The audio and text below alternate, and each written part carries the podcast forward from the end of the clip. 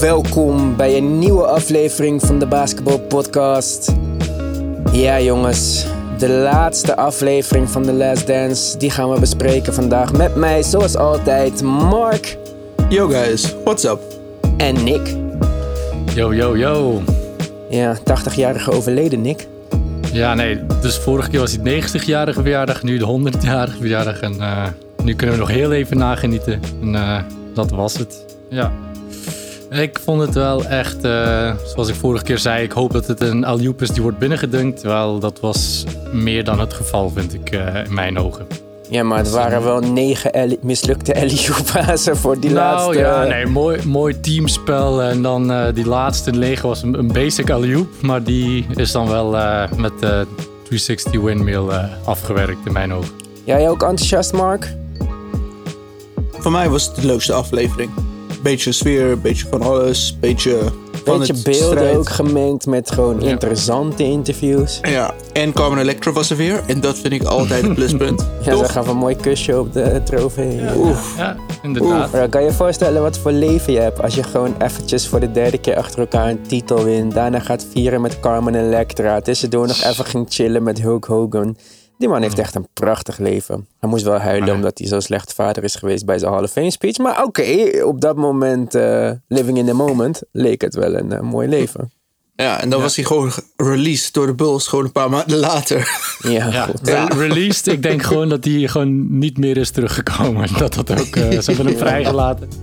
begin de documentaire met ja, een beetje het opbouwen van Utah. Utah was beter dit jaar, beter dan vorig jaar. Tweede keer op rij dat ze in de finale staan. En de Bulls waren moe, running on fumes.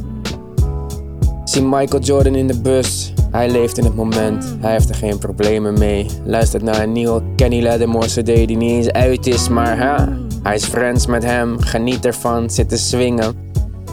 En dat zegt de, de narrator ook, of iemand die wordt geïnterviewd. Michael Jordan's gift was dat hij altijd completely in the present was. Waar andere mensen 20 jaar voor naar een ashram gaan of eh, mediteren elke dag. Michael Jordan was in the present. Het heeft geen zin om na te denken over schoten die worden gemist. Alleen gefocust op nu, nu, nu. Ik weet niet of dat echt zo is. Maar hij zei zelf, he didn't allow things that he couldn't control inside his head. Oké, als, hij- als hij dat echt kan, dan is hij de, de meest succesvolle yogi, eh meditator eh, van de 21ste Ja, eeuw. echt. Maar goed, eh, hij heeft het wel bewezen. We zien zijn familie, zijn zoons, zijn dochter. Niet zijn vrouw van die tijd natuurlijk, want eh, die chillt hem ergens rustig met eh 50 miljoen van de scheiding. En dan gaan we over naar de wedstrijd. Het eerste hoogtepunt is die eh, derde wedstrijd thuis. Waarin ze Utah verslaan met 96-54. Jezus. Ja, dat was een absurde score. Staan dan ook gelijk 2-1. Maar blijkbaar had Utah een beter record. Want die spelen dus de eerste twee wedstrijden thuis. En gaan dan weer voor drie wedstrijden naar, eh, naar huis. Ja. Maar eh, ja, Dennis Rodman was eh, na die wedstrijd eh, even weg. En zijn Deze was lijn ik gewoon- helemaal vergeten. ja, zijn Ik lijn was echt top. Ik wist, ik wist Ja. het verhaal, maar ik, ik wist niet dat dit in de, na de derde wedstrijd van de playoffs, dat wist ik niet. Nee, die finale Ik, ging even met mijn hoofd schudden van Dennis, jongen. Die Ja, dat is wel een eh, beetje overdreven. Even voor de mensen die het nog niet gezien hebben. Eh, de derde wedstrijd is net gespeeld dus. Blowout 96-54. Dennis Rodman denkt leuk, maar ik heb mijn vrije tijd nodig. Ik skip practice. Ik ga eh, naar mijn vriend Hulk Hogan en ik doe mee aan een WWE wrestling, ehm, ja, hoe moet je het zeggen, toneelstuk bijna. Sla een stoel op iemand zijn rug. Kom wel ergens een keertje terug. Ja, hij Ja. eh, had er nog niet... Godzilla. Ja, Toch wel ten Godzilla. opzichte van Phil Jackson, hè? Ja, Nogmaals, was Phil wel Jackson, boos, gewoon hoor, ga je in gang. die, eh, Nee, gewoon- maar Phil, Phil Jackson wist blijkbaar op voorhand hier vanaf. Ja? Eh, en MJ ook, ja. Dat heb ik eh, in een eh, officieel artikel gelezen. Dat, Oh, eh, dat, ja, eh, ja, zo ja. leek het Dus- niet in die docu. Nee, nee, maar ja, de media die, die vonden het, eh, die blazen het helemaal op. Ergens wel logisch ja, dat er zoveel, zo'n ophef eh, rond was. Maar eh, ja, als, als je kijkt dat de Bulls zelf 1, 2, 3 Rodman roepen in de huddle, dan, wordt het inderdaad wel eh Zijn- effort on the court ging nooit naar beneden, wat hij ook daarnaast deed. Hij had ook geen zin om met de media te praten tot de ergernis van de perschef. Die hem uit de side door een beetje ja, liet rennen naar zijn eh, truck. met de hele media en de camera's achter hem aan. Ja, maar nog eh, een leuk detail daarbij, want eh, Dennis ging niet, ook, niet zomaar worstelen. Eh Carmelo, dus de tegenstander in de finals. Ja. Ehm, als kind was zijn droom niet om basketballer te worden, maar Wrestler. om wrestler te worden. Dus dat eh, komt er dan nog eens bij. Dan ook die worstelscène tijdens de, die wedstrijd. Ja, want ze zijn Eh. echt, eh, hij is echt in gevecht met Malone. Hè? Ja, ja. Inderdaad. Dus ik vond het wel eh, echt ongezien eh, hoe zoiets kan. Ja, maar fantastisch ook dat hij gewoon on court, dat dat gewoon niet beïnvloed wordt. Ja, gelukkig moet hij niet veel scoren, wordt dat niet van hem verwacht. Maar gewoon eh ja, maar stel dat dat zou moeten, denk je dat hij daar niet dan energie voor had? Dat is gewoon nooit zijn ding geweest. Maar ik denk dat 20 rebounds pakken meer energie vraagt dan 20 punten scoren. Ja, energie wel, inderdaad. Maar mental focus en ja, het afwerken is toch nog. eh, dus het, is, het is niet voor niks dat hij daar niet goed sterk in was, zeg maar. Hij, hij was heel goed in die energie brengen en, en alles doen, behalve het scoren zelf. Ja, we zien hem nu wel in de gekke driepunten schieten en eh, twee clutch free throws in de, in de documentaire. Dus laten we wel zien dat hij dat ook wel kon. Ja. Maar het is meer. Ja, die hele mooie alle- clutch alles free kon. throws, ja. Ja, ja. Chicago wint dan die game 4. Ze verliezen de game 5. En dan moeten ze dus terug naar Utah. Dus ze kunnen hem niet thuis winnen. Dat was wel, eh, wel jammer. En Utah, zoals we ook zien in deze documentaire, het is echt een ander soort publiek. Het is eh, vrij blank en luidruchtig. En het is wel echt een, eh, een echte uitwedstrijd. Ja, eh, je ziet ook in die, in die beelden, het is echt een gevecht. Je ziet in de laatste wedstrijd dan, want hè, daar gaan ze op zich best wel snel doorheen. We zien wel veel beelden van de wedstrijd. En ik geloof dat ESPN ook die hele Game 6 gaat uitzenden met beelden eromheen, Ja. toch Mark? Met de back behind the scenes camera footage van de hele, van de hele dag. Dus dat wordt echt dat is top. superleuk. Misschien moeten ze dat doen voor eh, veel meer dingen. Maar je ziet Ja, ook in die Game 6, Scottie Pippen kan eigenlijk niet spelen. Hij heeft gewoon zoveel last van zijn rug. Hij kan niet lopen. Je ziet hem zelfs als hij het probeert. Het, gaat bijna niet. Hij heeft nog een paar Ja. van die turnaround hoekshots. Het is wel leuk. Maar hij moet gewoon naar de kleedkamer elke keer om überhaupt te kunnen lopen en zo.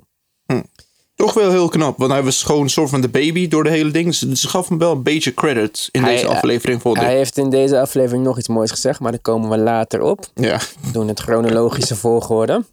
Ja, dus op Pippen kunnen we eigenlijk niet rekenen. Hij zegt ook later, ja, ik was de hele wedstrijd gewoon een decoy. Dit, eh, dit was wat het was. Rodman doet zijn ding. En Jordan is eigenlijk ook, ja, hij is moe. Hij moet alles alleen doen, of tenminste zo ziet hij dit. Hij, hij neemt elk schot. Hij is short, hij is short, nog een keer short. Het valt niet echt allemaal. En op een gegeven moment komt er een moment dat ze de rebound pakken. Michael Jordan heeft de bal. Of Michael Jordan steelt de bal. En hij loopt het veld op en kijkt naar Phil. Geen time-out. En Phil, dat, Dat, dat was. Ja, was, echt een legendarisch. Want hij legt het ook Ja. uit van... Nee, ik wou geen time-out. Want dan, dan moeten we spelen tegen een set defense. En als we deze dagen NBA kijken... Hoe vaak denk je niet van... Alsjeblieft jongens, rennen, rennen. Je maakt zoveel meer kans in de open court. En zelfs als het dan niet lukt... Neem een time-out in de half-court. de- Maar nu al, meestal coaches gelijk time-out. En vooral bijvoorbeeld Brad Brown, die neemt dan een time-out. Kijk, Brad Stevens komt nog dan met een, een mooi plan of zo. maar Brad Brown neemt een time-out, defense set, gebeurt niks. Dus, dus dat vond ik echt heel mooi. Ik wou dat ze dat meer, lieten, meer gingen doen. En ik wou ook dat daar een soort van regel voor komt. Dat ze gewoon eh, moeten spelen na een steal of eh, in de laatste zoveel seconden. of zo. Gewoon, gewoon minder time-outs in het algemeen. Ja, eh, dat zou sowieso mooi zijn. Misschien zijn ze dan helpen. op of zo. Ja, precies. Dus eh, ja, en dan, dan komt het bekende laatste schot waar menige foto van eh ingeframed, eh, ingelijst aan de muur hangt. Ja, dus er is geen defense. Hij staat tegenover eh, Brian Russell, die hem eh, zo graag wou verdedigen. Pippen zei, get the hell out of the way tegen zichzelf. Rodman, Rodman, die- ja, die ging staan. Die zei, he's gonna shoot this fucker. Die wandelen gewoon de, de halfcourt eh, over. Ja, Hij- maar hij- hij iedereen wist niet- het. Rodman zei ook, dit werd niet Paxson, dit werd niet Keur, dit werd MJ's shot. ik, vond, ik vond wel heel mooi ook alle gezichten in de achtergrond. En dan er was gewoon, er waren gewoon, ze hebben, alleen, ze hebben niet alle fans van Chicago laten zien, maar er was ook een andere fan verder achter in een foto, die gewoon al zes, en, zes in zijn handen. Ja? En die was gewoon, ik vond ik heel mooi. Gewoon, je zag alle teleurstelde fans van Utah. En dan gewoon Ja, alles ja. was stil. Ja, maar Utah ook. Kijk, ze hebben natuurlijk zo'n legendarisch tandem gehad met Stockton en Malone. Malone trouwens, als je ook kijkt... Kijk, ik heb altijd een negatieve smaak in mijn mond van Malone. Omdat ik dat, dat rape story van heb een 12-jarig meisje zwanger gemaakt altijd in mijn hoofd heb. En de Magic Johnson problemen. Dat hij gewoon last had van Magic Johnson. Omdat hij HIV had. Ja. Ja, maar dat, dat, kijk, ik zeg niet dat het goed is, maar dat snap ik nog wel in de context van die tijd. Hè. In de jaren negentig Ja. was HIV Ja. gewoon een alien, zeg maar. Dit was Ja. niet een Ja. bekend iets. Maar dat je naar bed gaat met meisjes van 12 en ze zwanger maakt, dat is wel ietsje. tijd, Crossing welke tijd dan ook niet de, de Hij bedoeling. is echt zeg gewoon maar. een cowboy, hè? Malone. Ja, maar als je Ja. kijkt naar zijn bouw ook en zo. Hè? Kijk, we hebben het Ja. vaak over LeBron, hoe bijzonder hij gebouwd is. Maar Karl Malone is ook heel bijzonder gebouwd. En is nog groter dan LeBron. Ja, inderdaad. Hij zou echt een worstelaar kunnen zijn. Ja, en hij heeft dat ook- heeft hij ook gedaan. Hij heeft ook Ja. doorgespeeld tot 40 of zo. En dat laatste Ja. jaar bij de Lakers, als hij niet zijn been had gebroken, dan waren ze nog Oh, dus- gewoon titelkandida- titelkandidaten. Dus Precies. Carmelo wel een bijzondere speler. En wat ik mooi vond eh, hieraan, om even een klein stukje te skippen, maar dan gaan we zo meteen weer terug, is dat hij in die bus komt, helemaal naar achter Ja. loopt en Michael Jordan feliciteert. Want ik zeg je eerlijk, ik ben een sore loser. Ik zou het never doen. Tenminste, niet op dat moment. Ik zal je wel een kaartje sturen, misschien drie weken later of zo. Maar hij komt toch na twee verloren finales op rij nog het team feliciteren wat heeft gewonnen. Vond ik wel een soort van klasse. Dus dat in mijn hoofd clashte dat een beetje met de kinderverkrachter eh, ideeën die ik had over hem. Ja, ja, ja, nee, inderdaad. En dat zegt ook wat voor respect hij voor Michael Jordan had. Dat moet toch wel. Dat wil ook zeggen dat Carmelo denkt dat MJ hetzelfde zou gedaan hebben als eh, hij verloren zou hebben. Wat ik misschien ook wel geloof. Ja, want daar was die hele maakt- issue over, toch? Over Ja, de walk in- off the court en zo. Ja, dus eh, wel sterk en mooi eh, dat hij dat toch echt op de bus van de tegen. Dus, Ja, niet, wel, niet op het veld. echt- Gewoon echt nog Nee. bewust een keuze maken, ergens naartoe. Het is moeite, zeg maar. Het is niet zomaar Ja. iets. Het is echt een be- bedachte actie. Vond ik wel een class act, inderdaad, Ja, zoals je zei. ik ook. Had nog meer fans. The Man in the Iron Mask. Leonardo DiCaprio. Een jonge Leonardo DiCaprio was daar om Michael Jordan te feliciteren. It's like poetry. Ja, maar Michael Jordan Poetry, zoals je al zei, 45 punten. En dat laatste schot, die left hand push, wordt eventjes eh, ontkracht. ja. Ja, prachtig. Ik vond het heel mooi, heel mooi verwoord wel. eh, alsof een, eh, een ober die je naar de tafel Ja, begeleidt. meter die, die jou ja, leidt. Ja. Het is leiden, niet Ja, pushen. ja, ja. Maar als we dit vergelijken met die push van Reggie Miller, dan was dit ook geen pushen. Nee, nee, nee. Dus ik denk, ik weet niet of Brian Russell hier zijn carrière aan ophangt, zeg maar, aan dit moment. En zegt van ja, anders. Maar nee, dit, eh, het was too much, man. Zonder Pippen, hè. Want Pippen was eigenlijk geen factor in deze, in deze wedstrijd.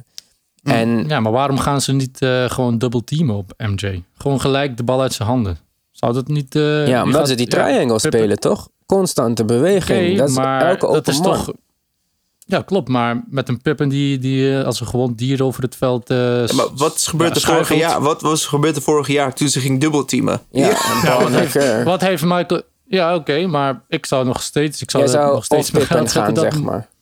Ja, En laat, kijk- laat ze maar eh, verrassen, verrassen. Iedereen weet dat MJ voorbereid is om dit schot te nemen. Maar er was De ook veel tijd, daar- hè?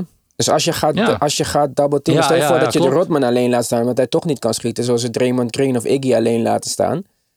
Maar dan Ja, was er nog ik- steeds ik- na ik- dat schot vijf seconden geweest. Dus had Rodman een rebound en een easy dunk. Dus Ja, maar daar kan ik... Oké, de easy dunk, maar je hebt Carmelo daar om de rim te protecten. Maar ik zou niet willen verslagen worden door MJ.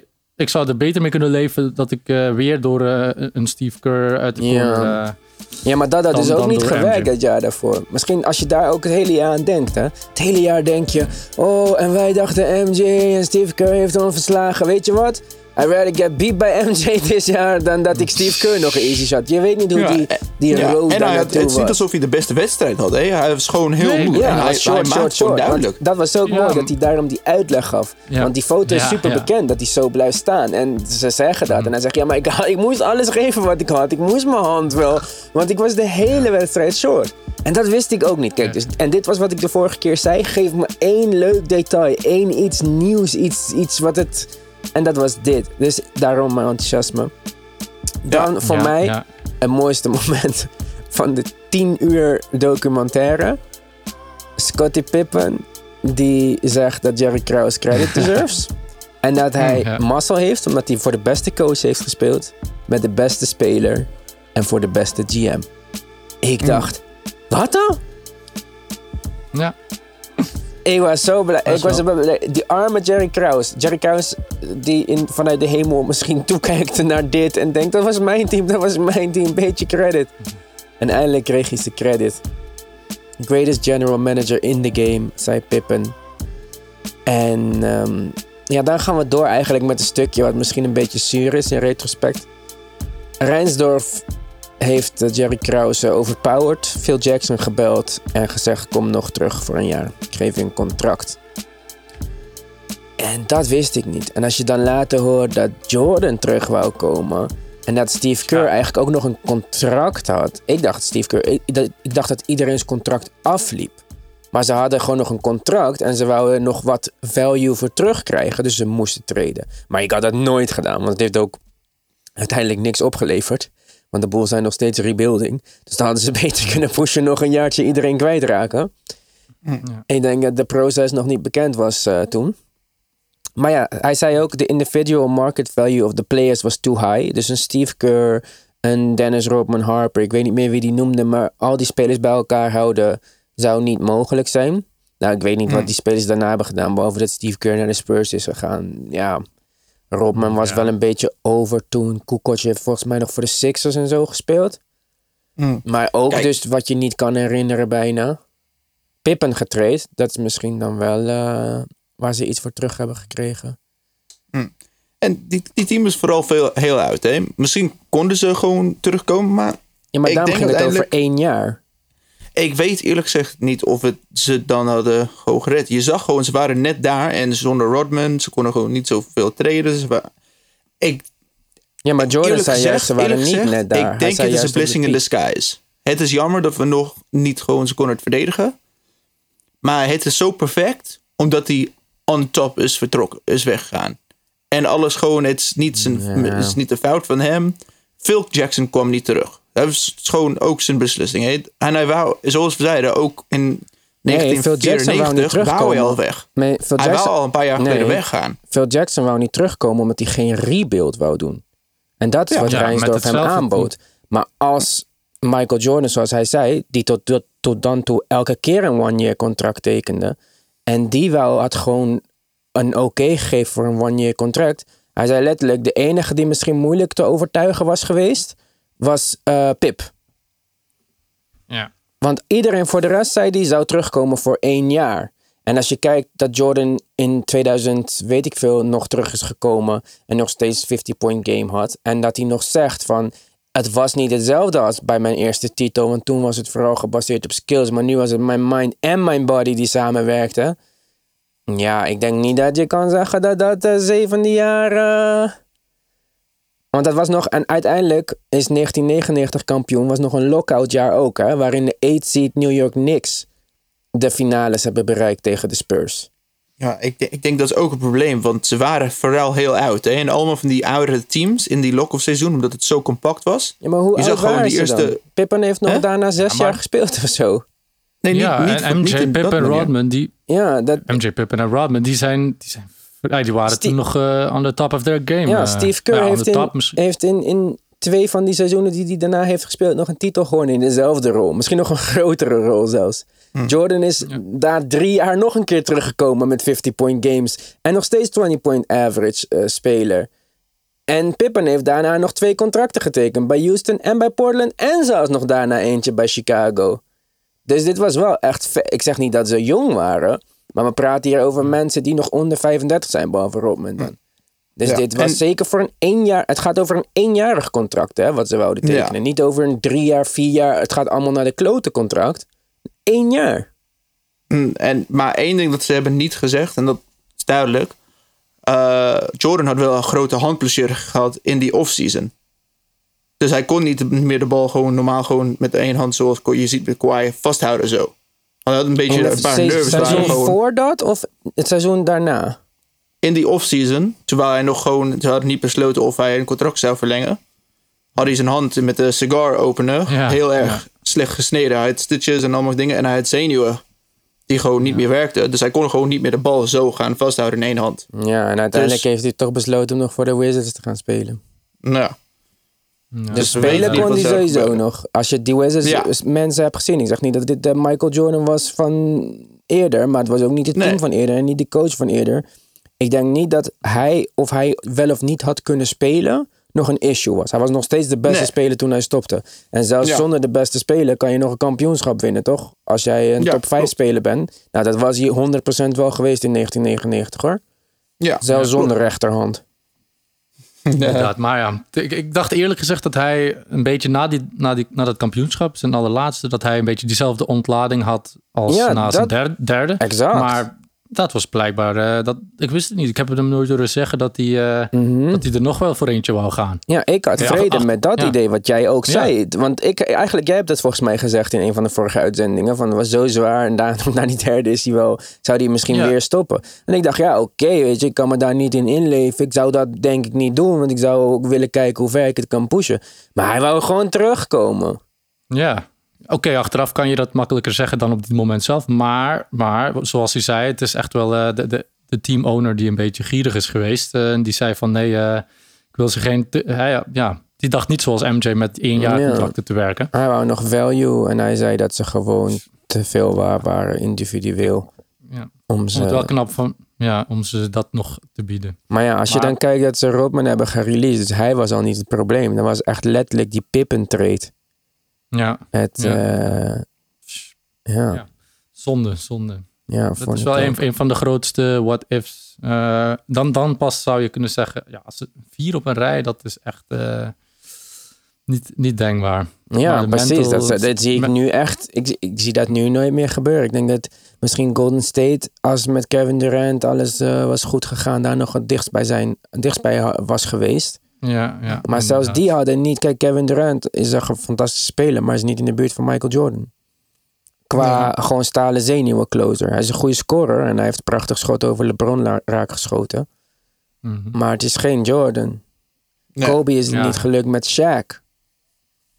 Ook misschien Ja, om andere redenen. Dat zijn eh, maar twee mooie voorbeelden die, het zou, die vergelijkbaar zijn qua, qua team dominance. Maar eh, ja. Ja. nee. Hij zei ook Ja. echt maddening. En gewoon het, dat je het niet kan proberen. Hij kon het niet accepteren. Maar toch denk ik Ja. dat veel mensen het wel een beetje al een soort van geaccepteerd hadden. Vooral Phil Jackson natuurlijk, hè, Zen Master. Die had ook een Mm, Ja, mooi eh, ritueel bedacht. Die zei tegen iedereen, Mhm. eh, schrijf eh, je gedachten op. Schrijf op wat dit jaar voor jou betekend heeft. En dan stoppen we ze in een blik. MJ heeft zelfs een gedicht geschreven. Zei ook, ben geen poet, maar het was gewoon de feelings. Mhm. En eh, dan hebben ze dat in, in de brand gestoken. Mooi ritueel, moeten wij ook doen als we stoppen met de podcast ooit. Eh, dan eh, Ja, pakken we een ja, en, eh, Lijkt me echt een leuke. Maar we Ja. moeten wel samen kunnen komen, hè? ja, ja. Moeten we eerst wel zes, zes, Misschien kunnen we het blikje overgooien, toch? Op anderhalve meter afstand. eh. Ja, precies. We ook zoomen. Zoiets. Ja, jongens. Terwijl eh, eerst zes, zes prijzen winnen met, als podcast. Dus eh, we hebben nog wel even te gaan. eh. we waren al nummer één zes dagen achter elkaar. Dat is toch ook leuk. ja, inderdaad. Wel, wel, wel, wel een kleine shout-out. Steve Kerr en Phil Jackson. Hoe ze praten en hoe ze hun mening overbrengen. Vond ik wel Ja. misschien de beste van alle mensen op het hele documentaire. Eerlijk gezegd. Ja, Ik ja. vond het, weet je wat ik ook interessant vond aan Phil Jackson? Omdat ik heb Phil Jackson heel bewust meegemaakt. Eigenlijk het bewust van alles. Als general manager van New York. En daar leek je echt totaal out of it. Gewoon, hij zat te slapen tijdens de wedstrijd. Letterlijk gewoon. en toen dacht ik echt van, wow, deze oude opa is echt een beetje... eh, zelfs een vrienden van mij zeiden van, maar Ivan, je kan het opgeven met New York. Want Phil Jackson is gewoon dement. Maar nu, als je hem dan zo ziet, hij, hij leek weer heel scherp. Bijna zo scherp dat je zou zeggen van... hé, hey, kan je niet ergens een team een beetje helpen? Of, ehm, Ja. En ook, ja, Jordan, als je hem zo ziet praten... ik vond dit ook wel een sympathiekere aflevering van Jordan. Even niet dat de, de, de promo-machine van eh, motivatie gebeuren en zo. En hij was ook wel, nee, niet humble, maar ook niet braggant of zo. Ja. En Normaal gesproken, normaal gesproken. Ja, hij zei, I think we could have won a seventh as well. Dat vond ik heel leuk. Ja, I, not, niet dat we would have. En ook... hij verrast, vond- hij verrast soms met zijn eh humbleness. inderdaad. Ja. Ja. En daarom vond ik dit een hele leuke aflevering. En daarom baalde ik dat het nu klaar was. Als het klaar was geweest naar die vorige, had ik gedacht, wat jij zei de vorige aflevering, Nick. Van ja, het is wel leuk geweest nu. Maar ja, nu is het afgelopen, jongens. Wat moeten we nu dan? Ja, wacht op uh, die documentaire van Kobe Bryant. Er komt vast Of, wel. eh, tenminste, ja. is dit gewoon iets goed voor. Ja, maar die duurt nog heel lang, die van Kobe Bryant. Hè? Ja. Gaat nog jaren duren, zeiden ze. Kijk, misschien, eh, misschien komt er nu net een doorbraak in de NBA. De, de Duitse voetballiga is aan het spelen. Als dat allemaal een beetje meevalt, kan er misschien nog, eh, kunnen we misschien nog een eh, onverwacht NBA-seizoen eh, Mm, krijgen. ja, ik weet. wil echt geen sport kijken zonder publiek. Ik vind dit zo saai. Nou, Ja, als je, ja. dan- je gaat elk woord horen wat ze zeggen tegen elkaar. Het maar gaat dan moet het andere zoals op die training zijn. Wat wij laatst Ja. zeiden. Zoals de Dream. Team training. Niet Ja. Ik wil niet, ik, sorry, maar ik heb gewoon geen zin in een of ander groot Disney World complex. Met eh, allemaal koorts en familie en de Instagram. En nee, ik wil gewoon, dan moet het echt. Als we het zonder publiek Ja, gaan gewoon- doen en we gaan alles dus anders doen. En we moeten ook nog een stomme regular season afmaken. Dat we nog eh, anderhalve maand naar trainingsvelden gaan kijken wie er achtste mag worden in het westen. Dan mag er wel iets gebeuren, zeg maar. Ja, Ja, we krijgen, ja, we krijgen ben- die superstadions. Ja, Oh, met camera's dat- overal. Ja, dat, ik weet Ja, het niet. dat gaat wel. Ik, ik, daar ben ik wel voor te vinden. Ik denk dat het wel. eh, en bro, die, die, die eh, quarantaine en zo begint door te wegen. Ik denk echt wel dat mensen zitten te wachten. Ik toch eh, op, op iets waar we een beetje mee kunnen meeleven. Zeker na deze documentaire gedaan is. Maar goed, we krijgen dus in ieder geval die, die laatste wedstrijd. Of tenminste wij, mensen in Amerika met ESPN krijgen die. Ik weet niet hoe dat in Nederland zit. Of, dat, of we dat op YouTube kunnen zien. Of op Netflix dat die ook die deal heeft daarvoor. Ik heb echt geen idee. Ik hoop het wel. Tegen die tijd laten wij dat jullie sowieso weten waar je die kan kijken. Dat lijkt me heel leuk. Ik ben niet zo van oude wedstrijden terugkijken. Maar als we het met zo'n mooie context krijgen. En met pippen in de kleedkamer beelden tussendoor en zo. Lijkt me ook een soort van nieuwe ervaring van een wedstrijd beleven. Dus dat lijkt me heel erg leuk. Wij gaan sowieso denk ik nog eventjes dit allemaal een beetje nabespreken hoor. Want ik moet het een beetje op me in laten werken. Misschien nog hier en daar wat dingen opnieuw kijken. Misschien dat een Orfeo of zo nog even zijn mening kan komen geven. Dat we dit even nog bespreken. Dus dat zullen we dan misschien volgende week wel gaan doen als dat niet te vroeg is. Mhm. En dan, ehm, ja, vrijdag zijn we er weer met eh, DBP Live. Ja, zoals altijd, elke vrijdag. Groot publiek. Ik vind het leuk dat jullie luisteren. Yes.